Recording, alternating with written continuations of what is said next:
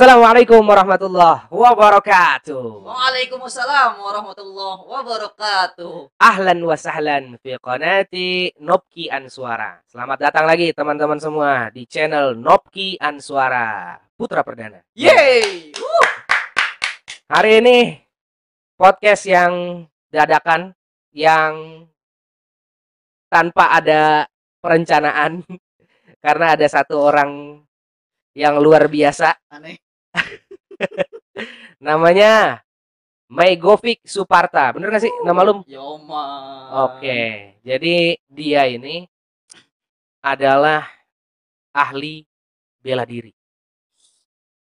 Bener gak? Dibilang ahli sih enggak ya. Cuma kalau sepukul dua pukul bisa lah. Bisa, pasti itu. Oke teman-teman semua, jadi kesempatan kali ini kita akan ngebahas apa kok? Nggak ada yang pengen dibahas kayaknya ya. Enggak ada emang. Nggak ada. jadi kita bahas ya ala-ala aja ya. Gue mau nanya dong, Gua mau jawab gue denger-denger job lu ini banyak katanya. Padahal lu itu, lu sebenarnya santri gue bukan sih? Iya sebenarnya kayak Aduh pakai sama kiai gua lu kan. Jadi kalau sama gue santai. Iya iya iya. Ibaratnya gue sama-sama pelajar sama dia, tapi ya tetap gantengan gue ya kan. Nah, Oke oke. lu ceritain dong. Oke. Sekarang lu itu sibuk apa? Dari nama dulu deh, kenalin dulu. Profil lu itu apa? Siapa sebenarnya? Lu tuh siapa? Orang pengen tahu lu siapa, coy. Oke ala YouTube ini bukannya. Ya bebas. Yo, guys, ketemu lagi bareng gua di Nokia Suara Channel. Gue siapa? Gue lupa sebenarnya. Cuma ya ah gue Megovic Suparta, panggilan Igo, 23 tahun masih jomblo. Mudah-mudahan pacar nggak lihat ya. ya, ah, segitu aja dah biar pada kepo. Terus jalan hidup lu ini gimana kok? Lu katanya sibuk, gua denger-denger nih dia jadi ini dia ini ngalahin job gua sebagai atasan dia gitu loh. Ceramah di mana-mana ya kan, mimpin pengajian, mimpin private, bla apa namanya melatih bela diri juga. Nah, gimana gue? Coba ceritain dong. Dan supaya menjadi penyemangat kawan-kawan kita ini. Latar belakang lu itu seperti apa? Karena banyak orang memikirkan sesuatu, ingin berkarya sesuatu itu harus nungguin punya dulu. Nah, gue tahu kalau lu itu nggak seperti itu. Yang penting lu itu mau jalan dulu, berkarya dulu. Oke, teman-teman. Jadi kita dengar sama-sama penjelasannya seorang Megovic Suparta yang mempunyai banyak keahlian di tengah banyak cobaan, tapi dia tetap banyak karyanya, banyak memberikan kontribusi khususnya untuk pondok kita tercinta ya. Ya. Nahdlatul Wathon membawa selalu ke mana-mana dengan nama Nahdlatul Wathon. Silakan kok. Bawa-bawa pondok lagi. ya, eh, jadi sebelumnya ya kayaknya kisahnya sama sih ah kayak santri-santri sebelumnya ya kayak semua Hmm. santri yang pernah ini bahkan bukan santri doang se- semua pelajar kayaknya ngalamin kisah yang sama Hmm. kita itu pas lulus pasti bingung mau ngapain Betul.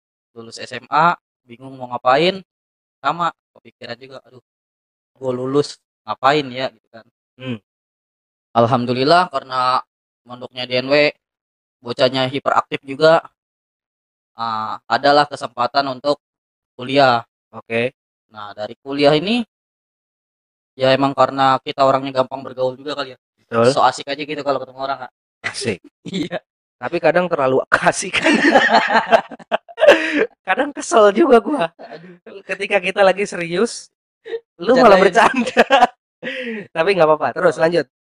tapi itu bener bukan kali pertama juga orang kayak gitu Pak. Iya benar. sering eh, mereka yang serius jadi tersinggung karena dibercandain Nah, karena emang susah serius orangnya mm-mm. Nah, setelah dari situ tuh, dari kuliah ini banyak ber, ah, kenal sama orang. Hmm. Dulu sebelumnya kan sempat kerja di ah, salah satu perusahaan, oke. Perusahaan apa namanya? Hotel ya, kalau nggak salah ya. Sebelum hotel. Oh sebelum hotel lu ah, pernah di perusahaan juga. perusahaan printer. Oke. ada salah satu printer Di mana tuh? Daerah mana? daerah Jakarta Pusat Oke. Hmm, nah setelah itu lompat ke hotel nah satu hal yang menarik dari hotel ini Mhm. ini hotel hotel besar bintang 5 ya ntar kalau disebut namanya kita disuruh endorse lagi kan Iya, benar. Ah, ah. hotel bintang 5 yang menarik dari sini adalah cara gue masuk tes Gimana tuh? hotel bintang 5 eh, rata-rata mereka masuk dengan tes bahasa Inggrisnya nah Oke. sedangkan gue tuh di sini awam banget segitu soal bahasa Inggris Ah. satu-satunya bahasa Inggris yang bisa I love you Nah, Terus? nah dari situ tiba-tiba lagi tes ya banyaklah komat kamit gitu kan Hmm. dipanggil Megovic maju oke maju kamu sekolah di mana Nahdlatul Waton Wah, Hmm. nyebut tuh Nahdlatul Waton kan Hmm. Nahdlatul Waton itu yang waktu itu dipimpin TGB ya gitu kan katanya Betul. nah nah iya pak bener oh berarti bisa dong salawatnya gitu nah dari Nahdlatul Waton ini kan kita emang punya salawat khas gitu kan Betul. salawat Nahdlatain disuruh baca lah sama dia Hmm. suruh baca kelar baca oh oke kamu lolos Wah. Coba apa yang lu baca? Eh, salawat Nahdlatain itu oh, salawat nadatain. Ah, Kirain doa pusakanya enggak. enggak panjang banget coy Sekarang gue mau denger coba bacain salawat nadatain. Nadatain. Jadi supaya teman-teman tahu, kita ini santri Nadatul Waton yang ada di Jakarta gue ya. Yo, man. eh ya kami mempunyai setiap malam Jumat itu di pondok kami di Jakarta itu ada pengajian khusus yaitu pengajian hizib Nahdlatul Waton. Nah di sini kita hizib salah satunya sholawat yang dikarang oleh pendiri Nahdlatul Waton yaitu Maulana Syekh Tuan Guru Muhammad Zainuddin Ibni Abdul Majid. Beliau menciptakan sholawat Nahdlatul Nahdlatain. Coba bacain kok biar teman-teman tahu. Ntar teksnya gue taruh di bawah ya. Oke. Bismillahirrahmanirrahim.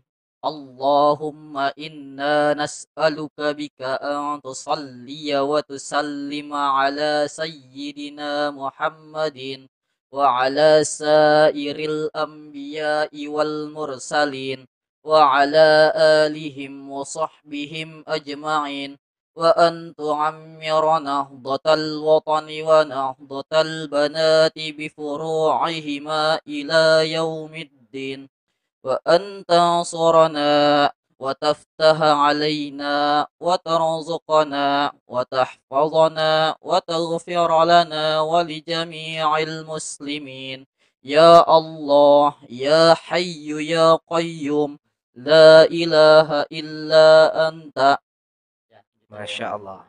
Jadi itu teman-teman salawat Nahdlatain Nah, begitu baca itu jebret. Ya, kamu lolos. lolos langsung Lolos langsung tanpa ada syarat. tanpa ada syarat. Nggak pakai tes bahasa Inggris dulu, nggak pakai MTK hitung-hitungan segala macam nggak. Itu yang ngetes siapa? Manajernya kah? Oh, supervisornya Ah, atau supervisor kebetulan. Supervisor. Ah. dia jamaah NW juga? Nggak ada kenal-kenalnya we. Satu-satunya yang beliau kenal, oh yang punya TGB itu. Oh, masya Allah. Memang salah satu kelebihan dari cucu Maulana Syekh ya, Masya Tuan Guru Allah. Bajang. Ya, beliau Merinding. menjadi gubernur dua periode di Lombok. Oke, terus selanjutnya perjalanan hidup lo setelah masuk nih di perusahaan printer. Nah, Bertahan berapa lama lo? oh di perusahaan printer itu. Ah. Kalau di perusahaan printer sekitar dua bulan. Dua bulan. Dua bulan. Kenapa sebentar? Karena waktu itu dapat peluang yang lebih besar.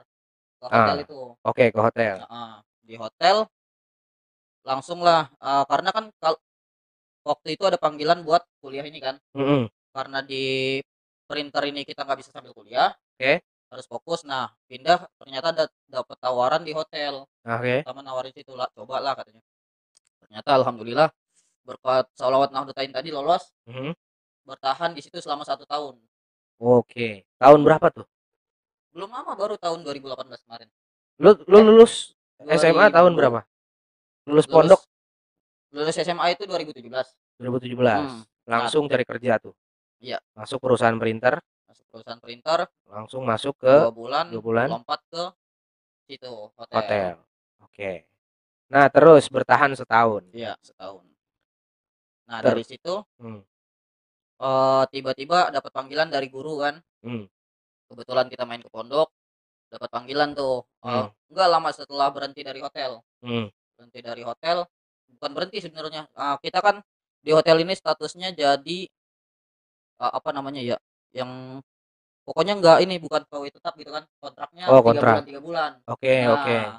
di selang kontrak tiga bulan itu ada jeda dua minggu Jeda dua minggu. Hmm, Oke. selang perpanjangan kontrak itu Ah-ah. waktu itu pas jeda tuh nunggu ke jeda dua minggu itu dipanggil ah enggak enggak enggak dipanggil tapi lagi main ke pondok ngobrol-ngobrol lah sama guru kita Hmm. ah, Tuan Guru Kiai Haji Dr. Muslihan Habib Masya Allah. nah Beliau guru kami juga. ah, ngobrol sama beliau emang kebetulan kuliah juga di tempat beliau kan Hmm. ditanya Igo kerja sekarang iya Ustad di situ gitu gitu gitu cerita akhirnya ya udah mumpung sekarang udah enggak beliau ngiranya udah enggak kan stop karena ini Hmm. karena udah berhenti Karena Padahal- jeda itu ya, padahal Ah, masih jeda kan. cuma jeda kan Ah. Langsung beliau tembak tuh udah kamu di SMA jadi guru piket gitu kan Oke. udah langsung tinggalin hotel ngambil yang di situ Nggak pikir panjang.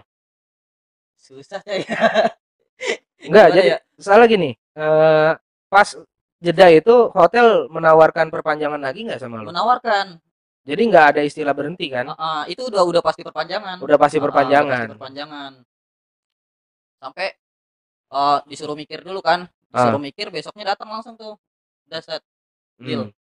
Wah, padahal kalau ya kalau kita ngomongin dunia gitu ya betul. kita ngomongin dunia eh, perbandingan hotel itu sama ini jauh Betul. dengan hotel yang bintang 5 waktu itu gaji hampir ya setiap UMR lah ya. jauh di atas UMR tiga kali UMR Wih. Sebenarnya. coba ya hitung-hitung nyari barokah lah Ini dia, Bro. Ini yang bakal gua angkat. Nah, jadi bentar. Nyari kunci. Sorry ya. Kameramen gue nyari kunci. nah, terus kenapa lu sampai rela? Oke, karena berkah lah. Cuman ini kan yang jadi permasalahan banyak orang. Ya. Ketika orang itu udah dihadapkan dengan kenikmatan dunia yang sangat besar, punya gaji gede, siapa sih yang nggak mau? Mm-mm. Dan semata-mata karena lu itu pengen mendapatkan barokah Ya. dari Tuhan guru kita semua. Nah, ini banyak yang banyak yang belum mendapati hal itu seperti itu. Kadang gue salutnya sama lu itu seperti itu, gue. Iya, bener. Karena jarang banget loh. Termasuk gue sendiri mungkin masih belum bisa seperti itu. aku besar kepala guys Iya bener, kadang kita udah dihadapin sama dunia loh. Dan memang harta itu pun perlu juga. bener Harta itu perlu juga. Tapi ada satu kesempatan, satu titik yang membuat lu mau buat merelakan pekerjaan lo itu. Kenapa? nah ini sebenarnya lanjut nah sebenarnya waktu ngambil keputusan itu disayangin juga menyokap kan Hmm. kok kenapa nggak nggak bilang-bilang dulu gitu langsung ambil Ah. Nah, cuma cek cek cek Nah. cek Nah. dah Dah. nah iya kenapa nggak bilang-bilang dulu langsung ambil aja langsung iya aja gitu kan Oke. Nah, cuma dari NW ini ada sesuatu yang gua dapat nggak dapat di tempat lain.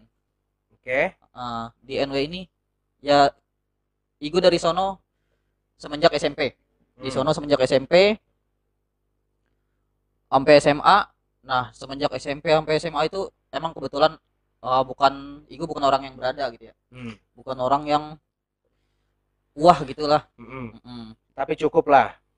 Bahkan SPP pun masih banyak yang nunggak. Masya Allah. Terus. Nah, luar biasanya NW di sini adalah jarang gitu kita nemuin sekolah swasta Hmm. yang bahkan sampai apa-apa masih diiyain. Contoh SPP kita nggak ada, Hmm. buku masih dapat, sekolah masih bisa, dan eh, apa namanya guru itu masih memberikan pelayanan yang luar biasa. Luar biasa. Nah, di situ nilai plusnya NW. Emang dari NW ini eh, tiga kan yang kita pelajarin di NW ya. Hmm. Pendidikan, sosial, dan dakwah. Betul. itu yang diajarin dari guru kita Sultanul Aulia Maulana Syekh Tuan Guru Kiai Haji Muhammad Zainuddin Abdul Majid Betul. semoga Allah, Allah merahmatinya amin ya Allah Nah, sekarang nambah lagi nih ekonomi kan. Hmm. Nah, nah semenjak itu, semenjak dari situ terketuklah hati sama NW, cinta banget sama NW. Jadi Hmm. apa pun tentang NW kalau bisa dilakuin, lakuin gitu. Nah ini teman-teman, jadi pesan yang sangat berarti juga nih Aduh. buat ya buat kita semua. Ya. Karena jarang seorang anak muda mendapatkan ketekanan dari orang tuanya harus kerja begini begitu ya kan. Intinya gaji yang diutamain. Ya. Manusia zaman sekarang. Tapi dia lupa tidak memikirkan kesejahteraan kedamaiannya dia sendiri. Mm. Benar. Dan lu damai kan sekarang? Ya kalau ngomongin damai, alhamdulillah berasa banget, Berasa ya? banget. berasa perbedaannya kita itu ya dalam lingkup pondok, dalam lingkup eh, orang-orang yang soleh. Iya. Itulah yang menjadikan kita itu sebagai orang yang nggak pernah takut akan kesengsaraan dunia Iya. ini. Betul nggak? Karena ini semua sementara, bro. Ish, Yoman. Yoman. Huh. Ini semua itu sementara, nggak ada harganya. Lu dapat harta sekian juta, oke, lu bahagia pada saat itu. Cuman itu sesaat. Benar. Ketika itu habis, lu nggak bisa ngapa-ngapain. Yang lu pikirin bagaimana nambah lagi, nambah lagi. Ya, nggak ada habisnya. Sama lah kayak lagu. Apa tuh? Dunia ini hanya sementara. Enggak kayak gitu lagunya. Iya, makanya gue Kayaknya bukan itu lagu. Kayaknya panggung sandiwara. Oh. Oke, Ya. terus sekarang gue mau nanya Apa tuh? eh kesibukan lu nih apa sekarang? Di luar lu menjadi eh, guru piket di NW itu sekarang apa kesibukan? Nah, Sampai lu bisa bertahan hidup lah. Kita ngomongin secara realita juga lah. oke. Gimana lu bertahan hidup dengan ya tanpa kepastian gaji yang besar contohnya. Ya. Nah, kita mulai setelah di NW ini berarti ya. Ah, setelah mulai di NW. Hmm. Setelah di NW itu kan ya emang berasa gitu kan eh, gajinya jauh Mm-mm. yang tadinya nikmatin banget eh, duit sekarang bener-bener mikir gimana caranya hidup. Ah, setelah itulah emang kebetulan dari SMP sampai SMA aktif juga kan anaknya banyak ikut eh, kegiatan-kegiatan salah satunya ada teater di NW itu Betul. terus eh, banyak kegiatan lainnya ada jurnalis juga nah setelah itu dari NW ditarik masuk ke media pondok namanya Sinar 5 Sinar nah 5. Sinar 5 ini alhamdulillah udah menasional juga Betul. nah dari situ eh, kebetulan ngajar juga di beberapa tempat ada teater Ah, teater itu ya semenjak covid ini vakum oke. Hmm, ada teater terus bela diri juga Oke. di samping bela diri ya job-job sampingan fotografer Mhm. ngurut apa pun dah semua di biasa. yang penting hidup gitu kan Jadi bagi cewek-cewek yang benar-benar nyari laki-laki yang bertanggung jawab dan mau susah dan mau berjuang dari nol cari Dan yang seperti dia nih, Igo. ganteng lagi kan Gantengan gua sih kalau itu. iya tapi banyakan saya Iya sih. dan malum lu kan masih muda ya kan. iya oman Nah, ya tapi lu pernah nggak kok ngerasain titik bener-bener lu ngerasa jenuh, ngerasa kayak pengen ya Allah kok hidup gue segini-gini aja. Oke. Lu pengen ngerasa lebih lah.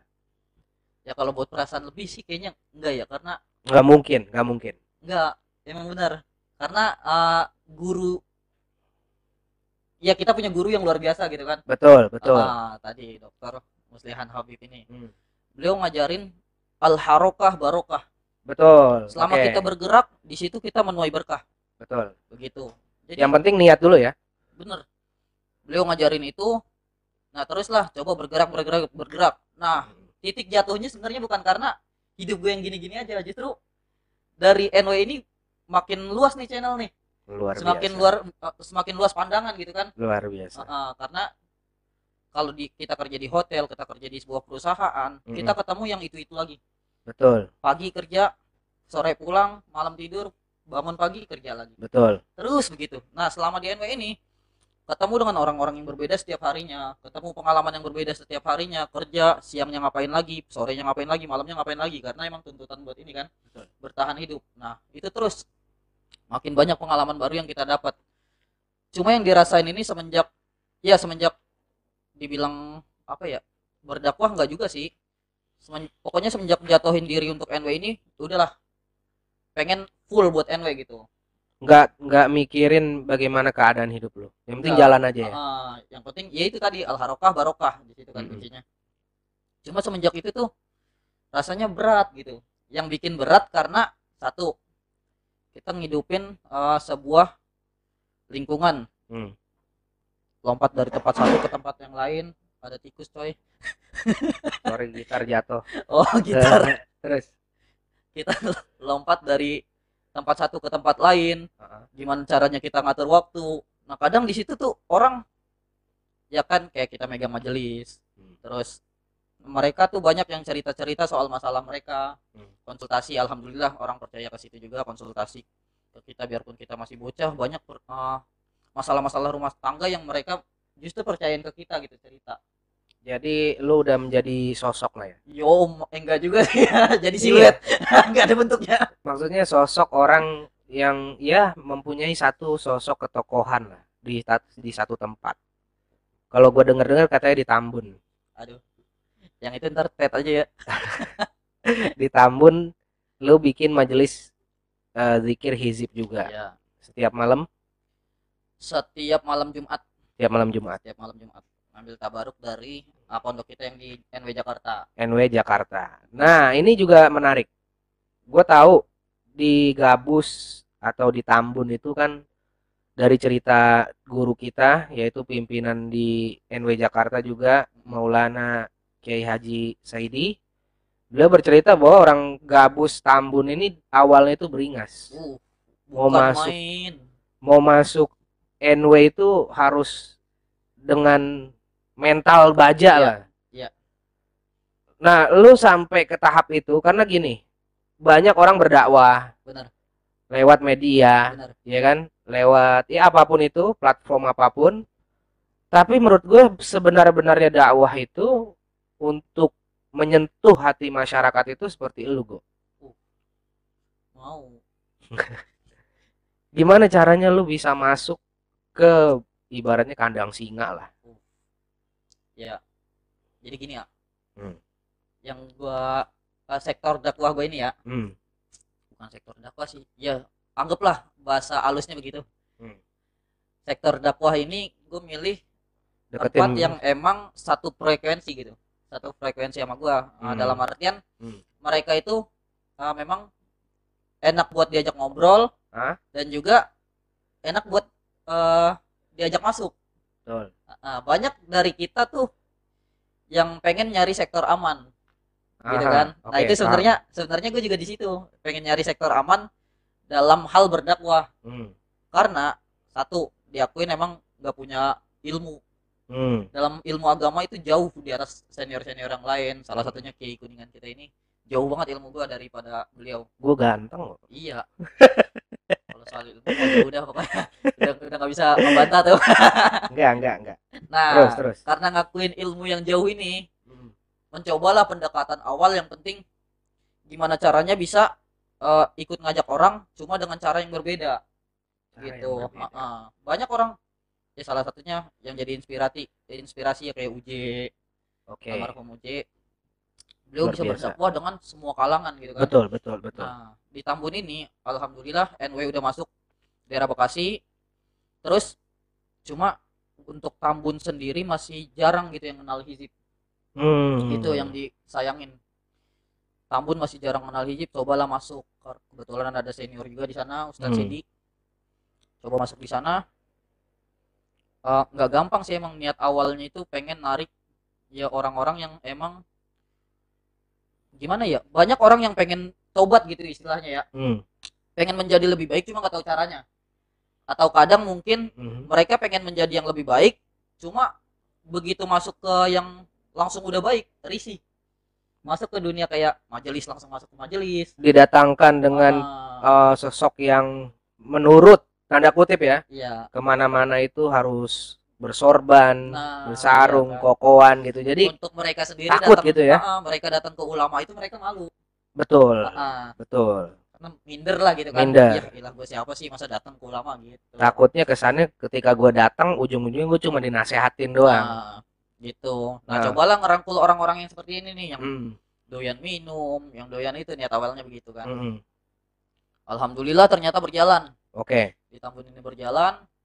Udah dari bulan 10 Oktober.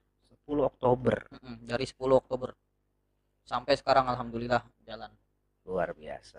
Itu coba coba coba merekrut teman-teman yang seperti itulah. Nah Hmm, perju emang bener meskipun Tambun ini lokasinya dekat sama NW hmm, nggak gampang perjuangan. Pasti. Heeh. pasti. Awal-awal mulai hizib pernah sampai dicegat orang. Wis gimana tuh? Soalnya ke mana pun lu pergi kayaknya aman coy. Soalnya dia ini sabuk hitam nih taekwondo. Dia sabuk hitam taekwondo dan apa ya itu salah satu kelebihan lu kok bener kadang ya kita nggak perlu nyerang duluan kan. Iya. cuman itu kan buat pembelaan diri kita. Ketika kita diserang orang ya kita harus bela diri dong. Iya. nah gimana tuh ceritanya pas lu dicegat itu? Nah ya Eh, ini nggak pernah cerita juga sebenarnya ke orang nih Hmm. yang bagian dicegat ini eh waktu itu pertama kali hizib nah kebetulan memang kalau nyampe Tambun itu pasti pulangnya malam mulu.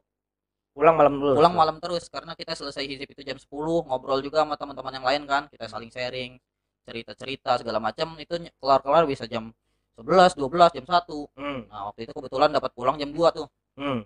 dapat pulang jam 2 tiba-tiba kita ngelewatin ada area memang katanya rawan oke. Nah, daerah Babelan bukan? Bu- bukan ya? Itu masuknya sebut nama daerah gini. Iya nggak apa-apa. Ya Kampung Turi namanya. Kampung Turi. Ah. itu daer- udah daerah gabus tuh daerah Tambun. Masih masih masuk daerah situ. Oh. Eh, sekitar 2 kilo lah. Oke. Dari Tambun itu. Terus terus? Di situlah cegat tuh. Nggak tahu nggak tahu juga masalahnya apa. Tiba-tiba dia nyuruh minggir Mhm. main pukul. Lu sendirian sendiri. Dia berapa? Berempat. Wih terus? Ya ya alhamdulillah ah, masih dapat lindungan dari Allah. Masih dapat doa juga dari kiai kan. Jadi selamat masih hidup sampai sekarang. Nggak gimana ya? Untuk ini mungkin pesan juga untuk teman-teman. Sampai sekarang aja nih daerah Bekasi itu masih terkenal sama rawannya. Belum lama ada begal di eh Teluk Pucung Sumarekon masuk juga berita. itu kan kalau malam ya kan walaupun kota dia kan iya benar masih banyak lah Nah, masih masih rawan. Jadi buat teman-teman kalau misalnya mau lewat itu ya lihat-lihat jam satu, lihat-lihat lingkungan juga. Kalau misalnya ada yang aneh-aneh udah ngebut aja lah, betul kan nyari aman. jadi aman Nah, cuma kebetulan ah, Hmm. gue punya motor yang gak support, gak bisa ngebut. Jadi daripada mati konyol, cobalah ngelawan kan. Betul. Sepukul dua pukul, Bismillah gitu. Ah, ah. Terus pas lu lagi berantem tuh gimana? Bisa ngelawan empat orang itu? Ya gimana ya? Ya logikanya begini. kabur nggak dia? Ketika kalah nih jebret sama lu ka- kabur nggak dia? Hebat banget gua kesannya ya. logikanya begini ya. Nyawa kita diminta mau ngasih sayang gitu loh. Benar Ah, ah, benar. jadi daripada mati sia-sia yang penting usaha dulu lah. Betul. Ah, jadi bilang tiba-tiba langsung kalah nggak juga. Hebat Oke. banget. Usaha dulu alhamdulillah mereka minder. Ya udah pergilah. Gitu. Tiba-tiba mereka kayak langsung anjir nih orang. Wah. Wah. Sendiri eh, dia sendiri aja Iya. begini apalagi dia bisa jurus Naruto ya kan? Uh Rasengan benar. Oh iya, iya.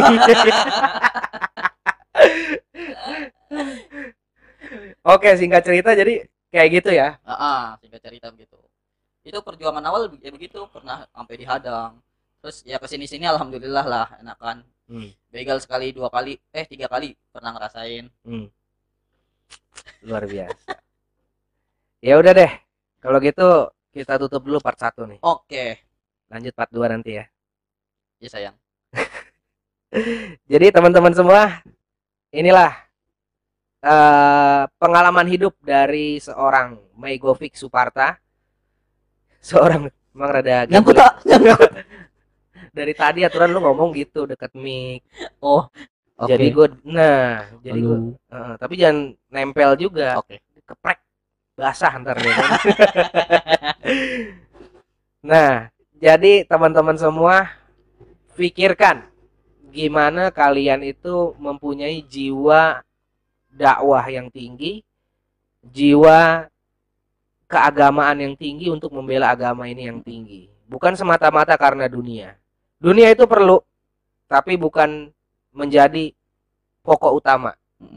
Karena yang menjadi pokok utama itu adalah ketenangan hati, Yoman. yoman yang bisa membawa kita dekat kepada Allah Subhanahu wa taala pada orang-orang soleh. Maka dari itu, sampai ketemu di part 2 nanti. Wallahul muwafiq wal hadi ila sabirur rasyad. Assalamualaikum warahmatullahi wabarakatuh.